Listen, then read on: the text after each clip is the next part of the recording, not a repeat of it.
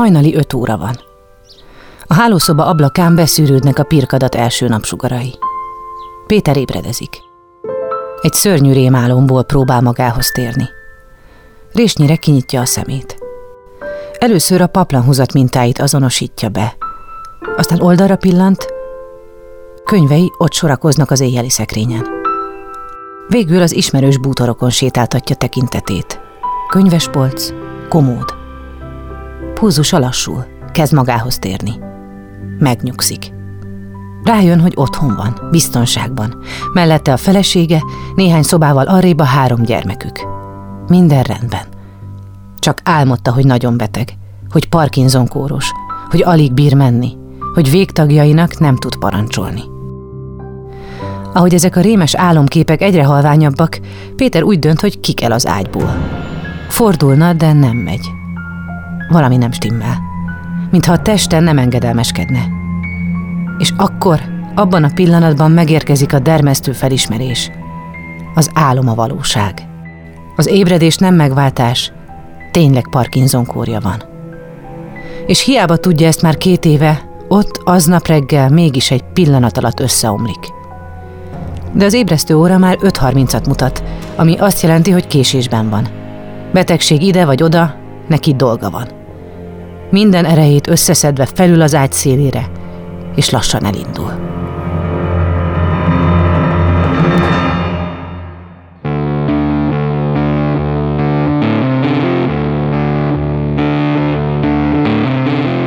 Lovas Rozi vagyok.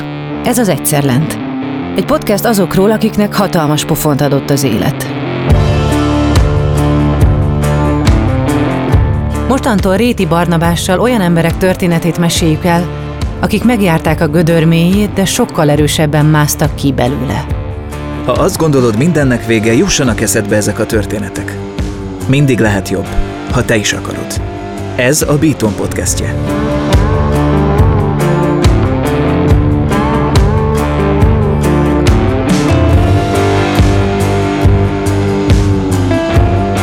Péter egy három gyerekes családapa.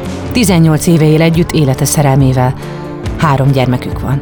Főállásban marketing szakember, de emellett szakfordító, pszichodráma csoportot vezet, és még cukrász végzettsége is van. Zenél, dalokat ír, humorérzéke pedig a stand is megszégyeníti. Minden tökéletesen működött, míg egy nap munka közben úgy érezte, hogy nem tudja mozgatni az egeret úgy, ahogy szeretné. A keze nem engedelmeskedik. Egy hosszas kivizsgálás után kiderült, a testét egy krónikus betegség élethosszig tartó börtönbüntetésre ítélte. Ez az epizód a küzdelemről, az életigenlésről, a humorról, a család, az önismeret gyógyító erejéről és az elmes szabad szárnyalásáról szól. Ez Varjú Péter története. Ezt a műsort azért tudtuk elkészíteni, mert a Generáli biztosító szponzorként mellénk állt. Hallgassátok meg, miért fontos nekik, ami nekünk is. A leggyakrabban a semmiből jön az a bizonyos pofon, ami a padlóra küld. Elveszíted a munkád, a társad, vagy a saját egészséged mondja fel a szolgálatot. Ahányan vagyunk, annyiféleképpen vagyunk rosszul, és annyiféle támogatásra vágyunk. Mi a Generalinál abban hiszünk, hogy empátiával, személyes kapcsolattartással és rátszabott megoldásokkal úgy tudunk segíteni, ahogy neked a legjobb. Azért támogatjuk az Egyszer Lent podcastet, mert tudjuk, hogy ezek a történetek nem csak elgondolkodtatnak, hanem segítenek abban, hogy jobban odafigyeljünk egymásra, és ezzel megelőzhetjük a bajt, vagy csökkenthetjük azok súlyosságát.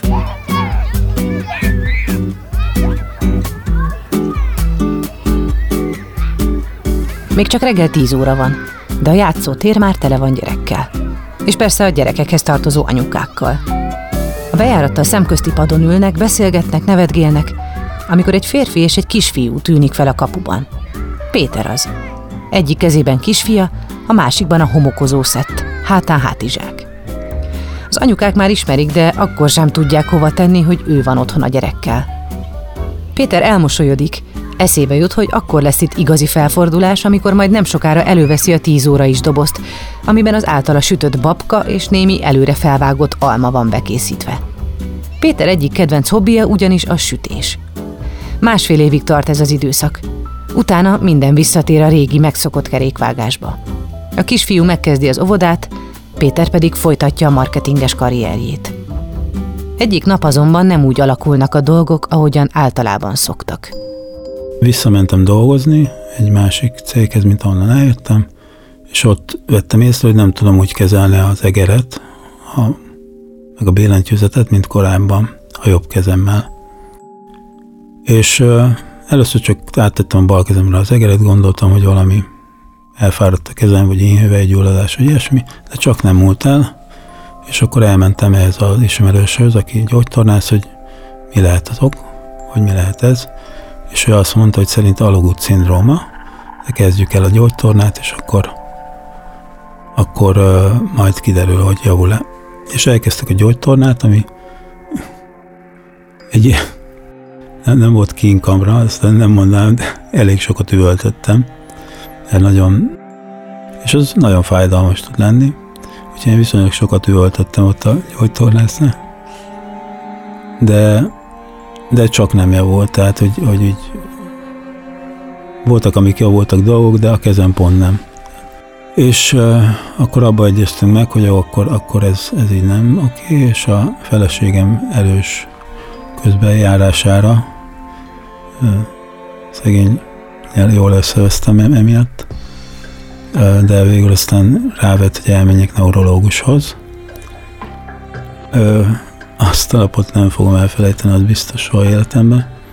Ott a Bécsi úton van egy, egy ilyen rendelőintézet, ott volt a neurológus, vagy ott van még most is, egy kedves hölgy, és bementem hozzá, megvizsgált, és azt mondta, hogy na ez Parkinson-tól agydaganatig bármi lehet, maga fiatal agydaganat az a legveszélyesebb a lehetséges jogok közül, akkor már hívom is a Honvéd kórházat, MR, menjen el. És akkor felhívta a kórházat, és akkor mondta, hogy két óra múlva van egy MR, pont egy üresedés, és akkor menjek át, és akkor meg is vizsgálnak, de hogy hívjak fel egy rokonnál, hogyha pozitív, akkor más engednek rokon nélkül. Péter tántorogva hagyja el a rendelőintézet épületét. Reggel, amikor az orvoshoz készült, még azon tanakodott, hogy mikor derül már ki, hogy akkor ez most alagút szindróma vagy inhüvelygyulladás. Igazából nem különösebben értekelte, hogy egyik vagy másik, csak szerette volna, ha végre valahára megjavítja valaki a kezét. Az fel sem merült benne, hogy ő esetleg komolyan beteg lehet. Fiatalnak és erősnek érzi magát. A neurológus néhány mondata után most egy pillanat alatt omlik össze minden. Ez a félelem más, mint amit eddig valaha tapasztalt mintha az egész testét átjárná egy jeges rettegés. Szinte alig érzékeli a külvilágot. Annyit tud, hogy két órája van az Emer időpontig, és a Honvéd kórházba kell eljutnia. Nem bír felszállni a villamosra, csak gyalogol. Át az Árpád hídon. Mellette zakatol a forgalom. Kerülgetik a biciklisek, a Margit szigetre igyekvő futók. De az egészből ő szinte semmit sem érzékel. Olyan sűrű a köd, ami belül ellepi. Ez a valóság? Vagy álom? Nem lehet valóság. Ilyen nem történhet meg. Tudod, vannak azok a pillanatok az ember életében, amire mindig emlékezni fog. Vannak azok a helyek, amikhez itt tudsz kötni egy, egy történetet. És én ez a Honvéd korázhoz azt tudom kötni, hogy kijöttem és felhívtam az posomat, hogy Laci nem kell jönni. Az MR ugyanis nem mutatott ki agydaganatot vagyis a doktornő által felvázolt lehetőségek közül a legszörnyűbbet ki lehetett zárni. De a biztos diagnózisig még nagyon hosszú út vezetett. Miközben zajlott a kivizsgálás, rengeteg dolog történt Péterrel és a családjával. Például megszületett a harmadik gyermekük. És a férfi egy rövid otthon töltött idő után új munkahelyen kezdett el dolgozni. És végül egy évre rá, 2018. januárjában, tehát most már öt éve, több mint öt éve Pécsen egy ilyen izotópos vizsgálatot végeztek rajtam, és azzal derült ki, hogy, hogy Parkinson kór. És, és akkor, amikor ez kiderült, akkor az már nem, nem, nem volt ilyen sokkoló, mint ez a, az első élmény, ez a MR vizsgálat, hanem akkor igazából az volt, azt mondta Doki, hogy, hogy hogy higgy el, hogy lehet ezzel élni, száz évig is elélhetek, erre mondta neki, hogy 90 évig terveztem. Így próbált meg viccelődni az orvossal. Nem azért, mert zavarban volt, és nem is azért, mert félt. Egyszerűen csak azért, mert számára az élet humor nélkül olyan, mint a húsleves só nélkül. Egyébként is, mire eljutott a biztos diagnózisig, addigra már ez a Parkinson-kor tűnt a lehetőségek közül a legbarátságosabbnak. És amikor végre biztossá vált, azt mondta magának, végül is jobb, mintha az derült volna ki, hogy egy óriási segfej vagyok, vagy agydaganatom van. Persze akkor még nem tudta pontosan, hogy mivel jár egy krónikus betegség. Akkor még csak annyit tudott erről a betegségről, hogy Michael J. Foxnak is ugyanez a baja. A Parkinson-kor az egy, az egy konkrét betegség, az, az nem tudják mi okozza, de a dopamin nevű hormon az nem termelődik úgy, ahogy kéne. És az egy bold, vagy egy ilyen öröm jutalomhormon, vagy nem is tudom, minek hívják pontosan, de abban van szerepe, ha jól értettem, hogy az izmokat hogy, mozga, hogy mozgatja az ember, illetve egy jutalom a, hogyha bármilyen dolgot elvégez az ember, felmegy egy lépcsőn, vagy nem tudok, mindegy, bármit, amit elvégez az ember, utána dopamin termelődik, és akkor az, az így megjutalmazza a testet, az így jó érzéssel tölti a testet, és akkor legközelebb is az ember motivált arra, hogy felmenjen a lépcsőn, mert akkor dopamin van a végén. Ez nálunk nincs, vagy hát sokkal kevesebb van, mint normális embernek, és azért a motiváltság is csökken, meg, meg a mozgás is korlátozódik. Akkor még nem tudta, hogy mindez a gyakorlatban majd miként változtatja meg az életét. Értette, amit az orvos mondott neki, aki felvilágosította, illetve hát érezte a saját bőrén is a betegség jeleit. Mindent értett. Csak éppen felfogni nem volt olyan egyszerű. Feldolgozni pedig képtelenségnek tűnt. Senki nem tudta megmondani neki, hogy mi vár rá. A betegség mindenkinél más.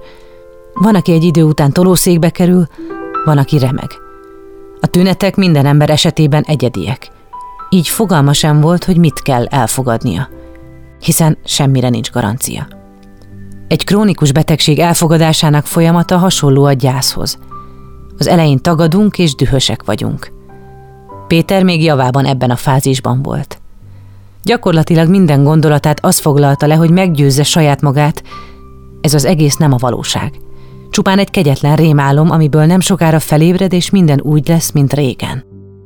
Egyszer álmodtam azt, hogy már Parkinsonos voltam egy éve szerintem, vagy több mint egy éve, mert tudtam, hogy Parkinsonos vagyok, és azt álmodtam, hogy Parkinsonos vagyok, és felkeltem, és hátadöltem, hogy aj, hála Isten, csak álmodtam.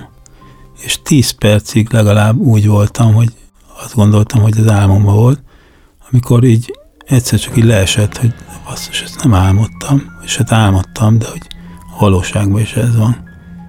És az például egy ilyen nagyon erősen megmaradt bennem az az élmény, mert az egy nagyon nagy csalódás, vagy egy nagyon egy újabb trauma volt gyakorlatilag. Mindenki, aki álmodott valami nagyon valóságosat, azt tudja, hogy amikor fel kell, akkor teljesen valóságosnak tűnik, és aztán rájön, hogy jaj, de, nem, nem de szerencsé, hogy nem, nem valóságos volt, hanem álom. Na és akkor azt átélni, hogy de, de nem álom volt, hanem valóság, az nagyon nehéz. Nem volt hajlandó az állapotáról tudomást venni. Éppen ezért a szűk családon kívül a barátoknak, ismerősöknek fogalmuk sem volt arról, hogy ő és a családja mind mennek keresztül. Felesége úgy emlékszik vissza erre az időszakra, mintha Péter teljesen kicsekkolt volna az életükből. Ott voltam, jelen voltam fizikailag, de fejben nem voltam ott, hanem folyamatosan az, az járt a fejembe, hogy akkor mi lesz, hogy lesz. Jaj, de szomorú sorsom van így úgy amúgy. Tehát ilyenkor az ember így magával foglalkozik, hogy, hogy neki milyen rossz. De ez, ez a lehető legrosszabb út. Tehát csak eb, ezt meg kell járni sajnos, tehát ez nem az, az, az a szomorú hírem a bárkinek, aki, akinek betegsége van, traumája, hogy ezt nem lehet anélkül megcsinálni, hogy ne menjen el az ember a gödör mélyére. Ekkoriban még nem voltak látványos jelei a betegségnek, de előbb-utóbb megjelentek azok is. Így nem lehetett nem elmondani azoknak, akikkel Péter rendszeresen kapcsolatban volt. És ez eleinte brutálisan nehezen ment. Az első az, hogy, hogy kimerjem mondani, hogy, hogy Parkinsonom van bárkinek. Tehát én olyan, annyi, annyira izgultam, mikor a pszichodráma csoportnak, akik mindent tudnak rólam, tehát olyan dolgokat is, amit anyám nem tud, vagy, vagy feleségem, ő nekik elmondani, hogy, hogy Parkinsonom van, az, az egy óriási stressz volt. Remektem, izgultam, izzadtam, úgyhogy tényleg tudnak rólam mindent amúgy, és szeretnek mindennel együtt. Azt hiszem, hogy kimondod, akkor valóságá válik. Tehát akkor, hogy amikor kimondod, hogy Parkinsonon van, az egy, egy másik embernek bagatelnek tűnik, de neked kimondani, akkor, akkor az jelenti, hogy, hogy elismerted, hogy az van. Tehát akkor az van, mert, mert te kimondtad. És, és nagyon emlékszem, hogy amikor először kimondogattam barátoknak, meg a szödrán, akkor, akkor ezek ilyen nagyon súlyos szavak voltak. Péternek nem csak kimondania volt nehéz, hogy Parkinsonos, hanem feldolgozni az emberekben kiváltott reakciókat. Hiszen minden ember másképp reagált. Hát a legrosszabbra és a legjobbra emlékszem. A legrosszabb reakció szerintem nekem az, az amikor valaki azt mondja, hogy hát Péter, ez, ez szörnyű, ez egy tragédia. Mert ezzel igen az, de ez nem segít. És a legjobb reakció az az, amit egy régi barátom mondott, hogy köszönöm, hogy elmondtad. Mert, mert azt hiszem, hogy nagyon, ezt elfogadom, hogy nagyon nehéz erre mit mondani. És mit mondjon az ember, lesz, hogy köszönöm, hogy elmondtad, ez, ez mindent elmond. Ez, ez pont elég. Péter szerint a betegség feldolgozásának nála volt egy troll fázisa is, amikor azzal kísérletezett, hogy milyen reakciókat vált ki azokból, akiknek szemébe mondja, hogy mi a baja. Pont amikor volt ez a össze-vissza dolgozunk, akkor volt egy kollega, aki rákérdezett, mert láttam, hogy nagyon rosszul mozogtam aznap reggel is, és le, leültem vele szembe, és még csak uh, online találkoztunk. És akkor köszöntem neki, hogy hello, hello, mi, mi, mi van, és láttam, hogy a szemem sarkába, hogy nagyon néz, hogy hogy mozgok. És akkor mondom, hogy na ez rá fog kérdezni, és rá is kérdezett, hogy minden rendben van, Péter, hogy segíthetek. És minden rendben van, csak Parkinsonom van. És, és akkor így láttam, hogy lefagy először, direkt így, így ilyen röviden mondtam, meg ilyen immédia stressz, mert kíváncsi voltam, hogy hogy reagál, és így először lefagyott, így habogott, aztán egyszer csak így felengedett, hogy nem tudom, mi történt vele, de mondta, hogy hú, az komoly. De képzeld el, hogy az én apukámnak meg nem tudom milyen. Tehát rögtön elkezdett egy saját sztorit mondani, de hogy tök érdekes ez, hogy hogy az emberek hogy így reagálják le, hogy, hogy ők is mernek nyitni, és ez egy, valahol egy, egy ajándéka ennek a betegségnek. De hiába tudott már beszélni a betegségéről, a legmélyebb gödör még előtte volt. Azzal ugyanis nem nézett még szembe, hogy nem csak ő küzd ezzel az egésszel, hanem a családja is. Leginkább a felesége. Ez az Egyszerlent, a Beaton podcastje. A szünet után elmesélem, hogyan jutott el Péter a legsötétebb verembe, és hogyan jutott ki onnan.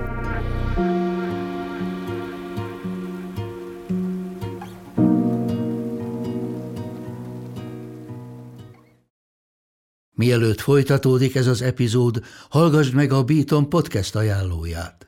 A szavak hihetetlen erővel bírnak. Lehetnek akár alapkövei egy új életnek. Én egy aprófalú cigánytelepén nőttem fel, ahol ahelyett, hogy az esti tábortűz mellett anekdotáztam volna a többiekkel, inkább a holdfényében letűnt korok nagyjait olvastam. Petőfit, Adit, Kosztolányit. Orsós Lajos vagyok, a Pont Elég házigazdája. Meghívlak egy pár perces kikapcsolódásra. Ha szereted az irodalmat, a klasszikusokat vagy a kortárs gondolatokat, akkor tarts velem, mert néha egy pár jó szó pont elég ahhoz, hogy szebb legyen a nap.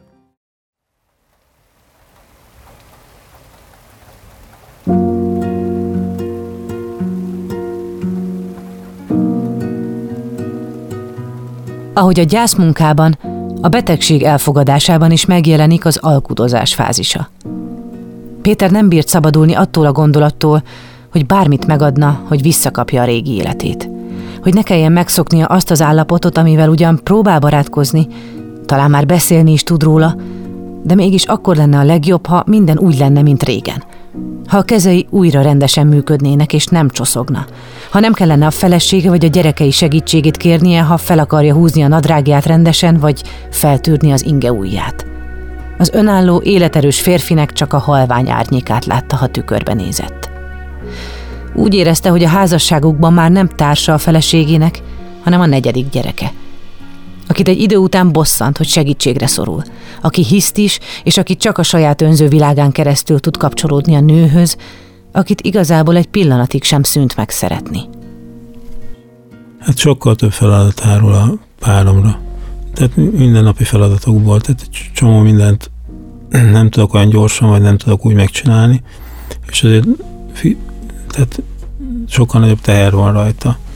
És ebben nagyon-nagyon belefáradt és, és igazából én azt látom, hogy ő, ő sokáig a saját magát feláldozta azért, hogy, hogy a család működjön, és én ezt nem vettem észre. Én benne éltem abba, hogy, hogy így minden, ha nem is úgy, mint régen, de közel úgy, mint régen. És, és valahogy úgy működik ez, mint mikor a béka ül a ízbe, és alágyújtják a tüzet, és szépen melegszik, és nem ugrik ki, mert azt gondolja, hogy ez még, még csak egy kicsit melegebb, még csak egy kicsit melegebb. És aztán szépen megfő. Azt hiszem itt is az volt, hogy én azt gondoltam, hogy egy csak egy kicsit rosszabb, csak egy kicsit kevesebbet tudok megcsinálni, csak egy kicsit így, csak egy kicsit úgy. De ez a csak kicsi, ez a sok kicsi, ez, ez mind, vagy nagy részt mind feleségemre rakódott. Péter úgy érezte, hogy bármit el tud viselni, de az, hogy egy ilyen kiszolgáltatott gyermeki szerepbe taszította ez a betegség, már neki is sok. És természetesen a feleségének is. Hirtelen ott találta magát annak a bizonyos gödörnek a legeslegalján.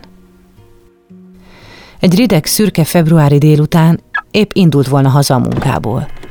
Beszállt a kocsiába. Indulás előtt azonban azt érezte, hogy nem bírja tovább.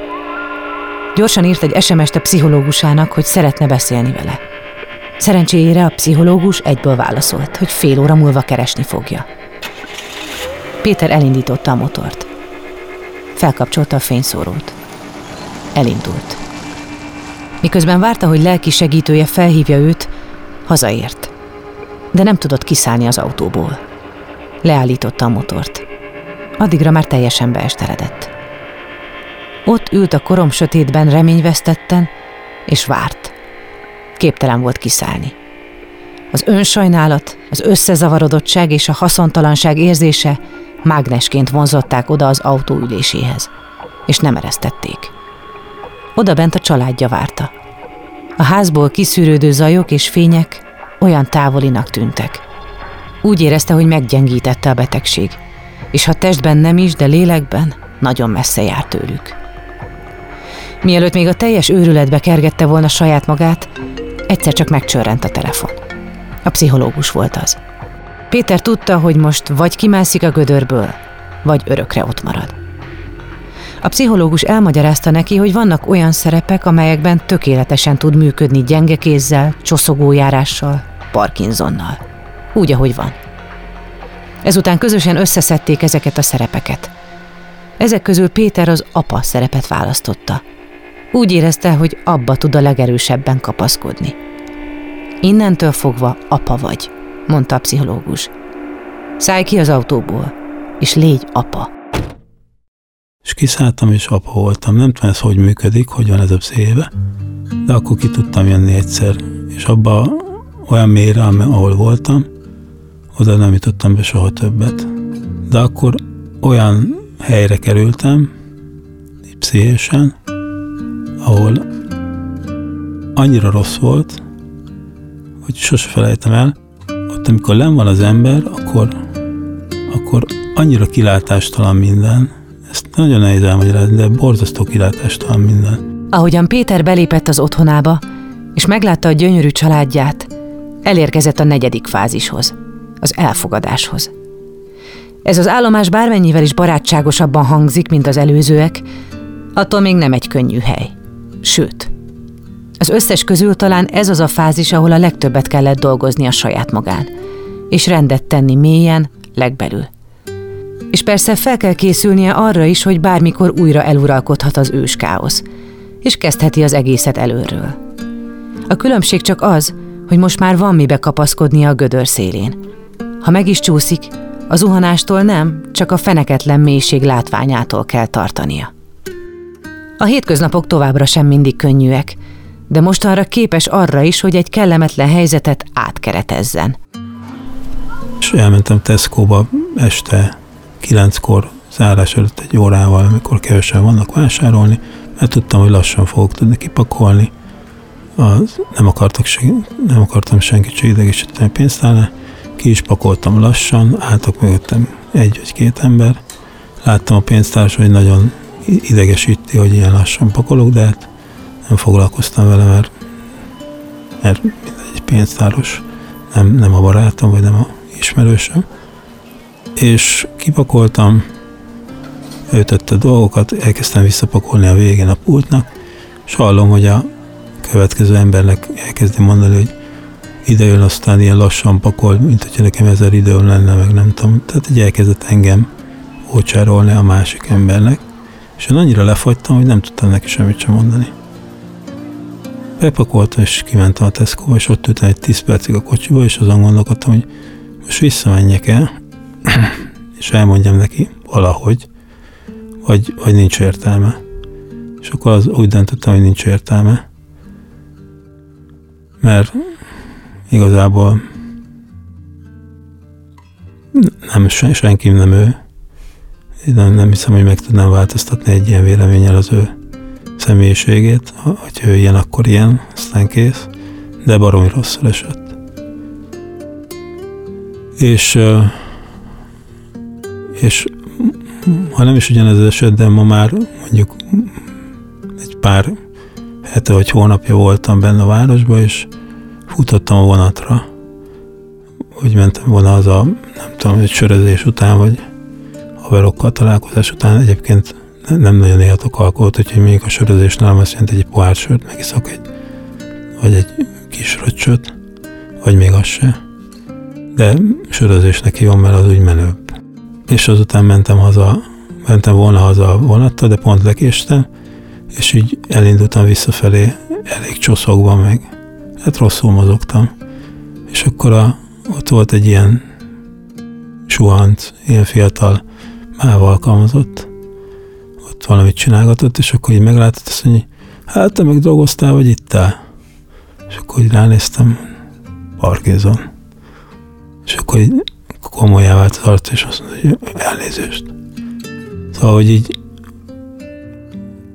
és, és nem, egyetem nem esett rosszul ezután, mert, mert, mert ennyi elég volt ahhoz, hogy megértse, hogy, hogy itt betegségről van szó.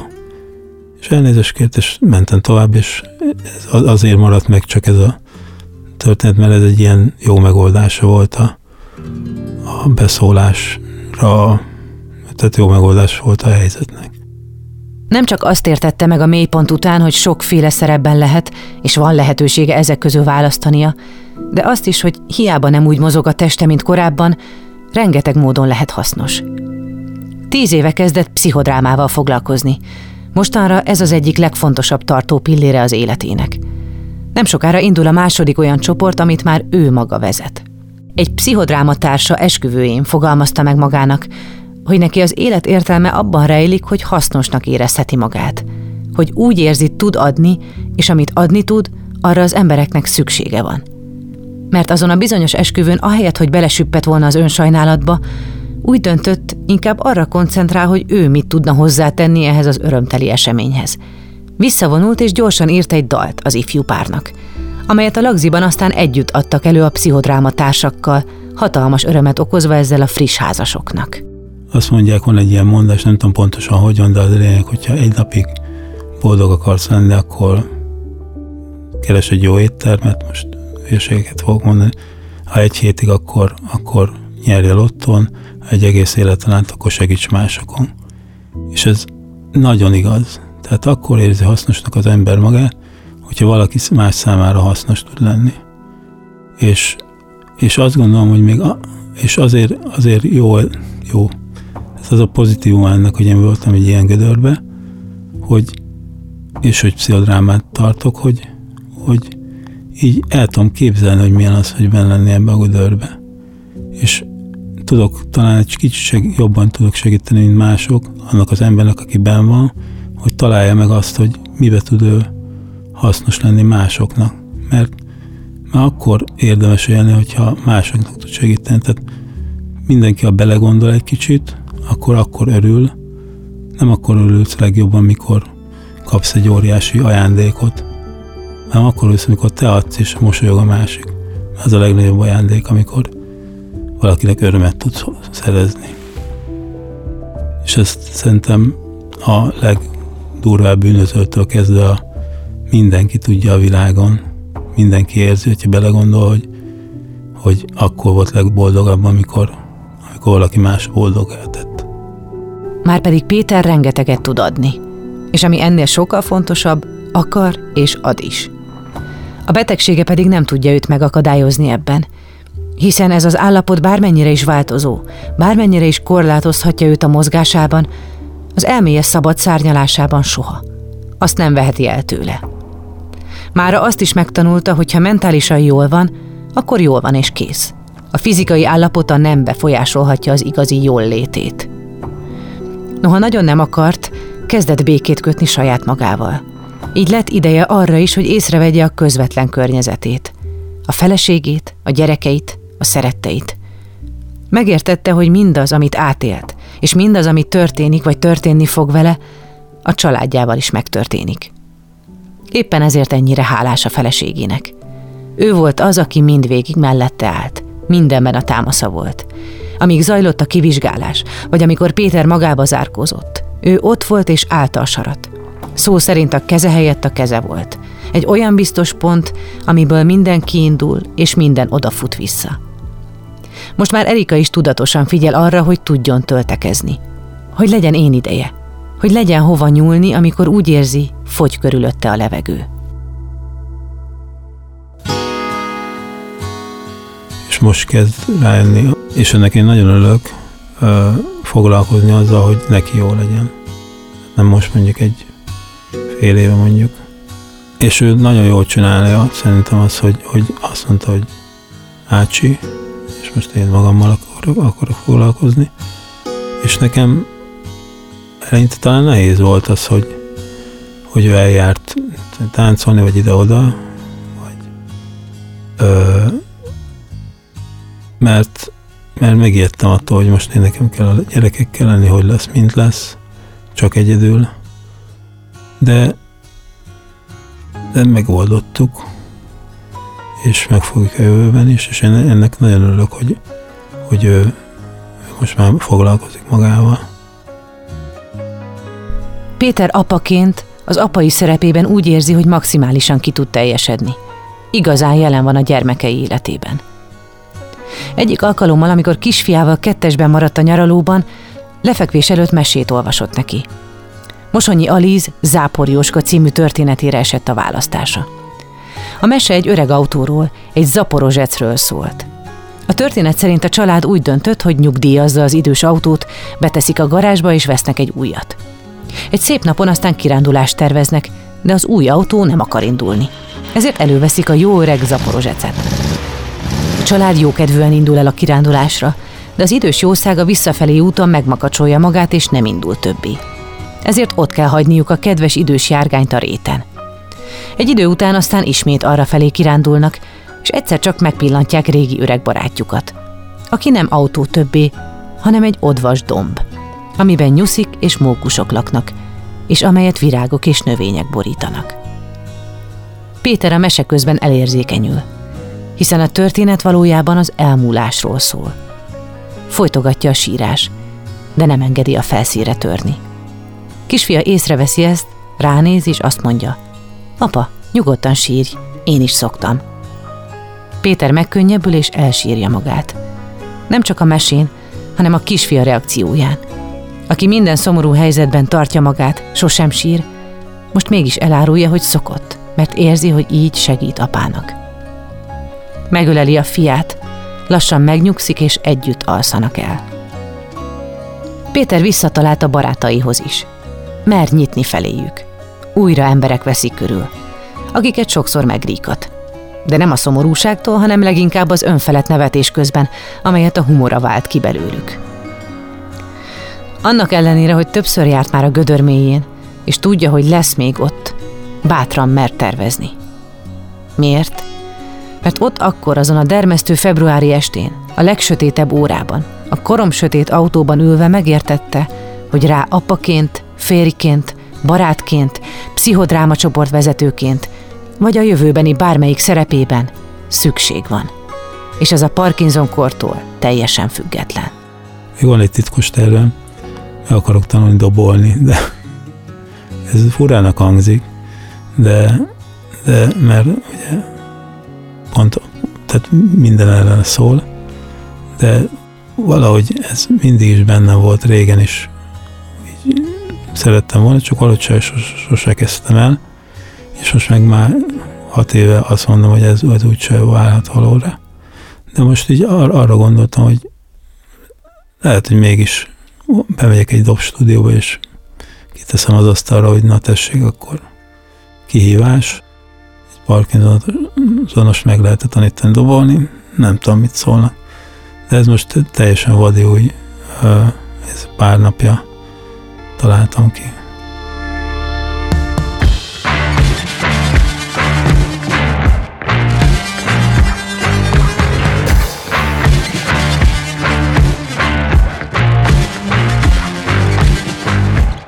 A Beaton Egyszerlent podcastjét hallhattátok. Azért indítottuk el ezt a műsort, hogy megmutassuk, minden veremből van kiút. Amikor a legalján vagyunk, lehet, hogy nem látszik, de tehetünk azért, hogy megtaláljuk.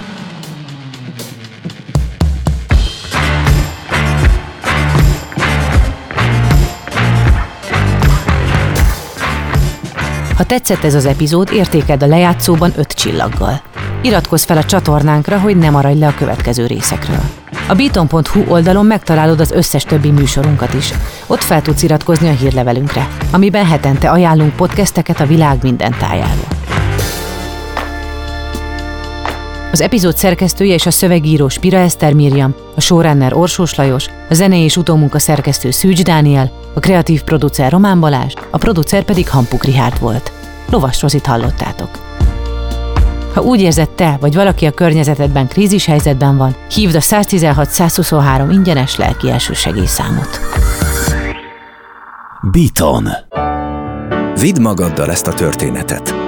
Ha van lehetőséget, kerüld el a bajt. Ha pedig már benne vagy, ne feledd, minden gödörből van kiút. Generali. Érted vagyunk.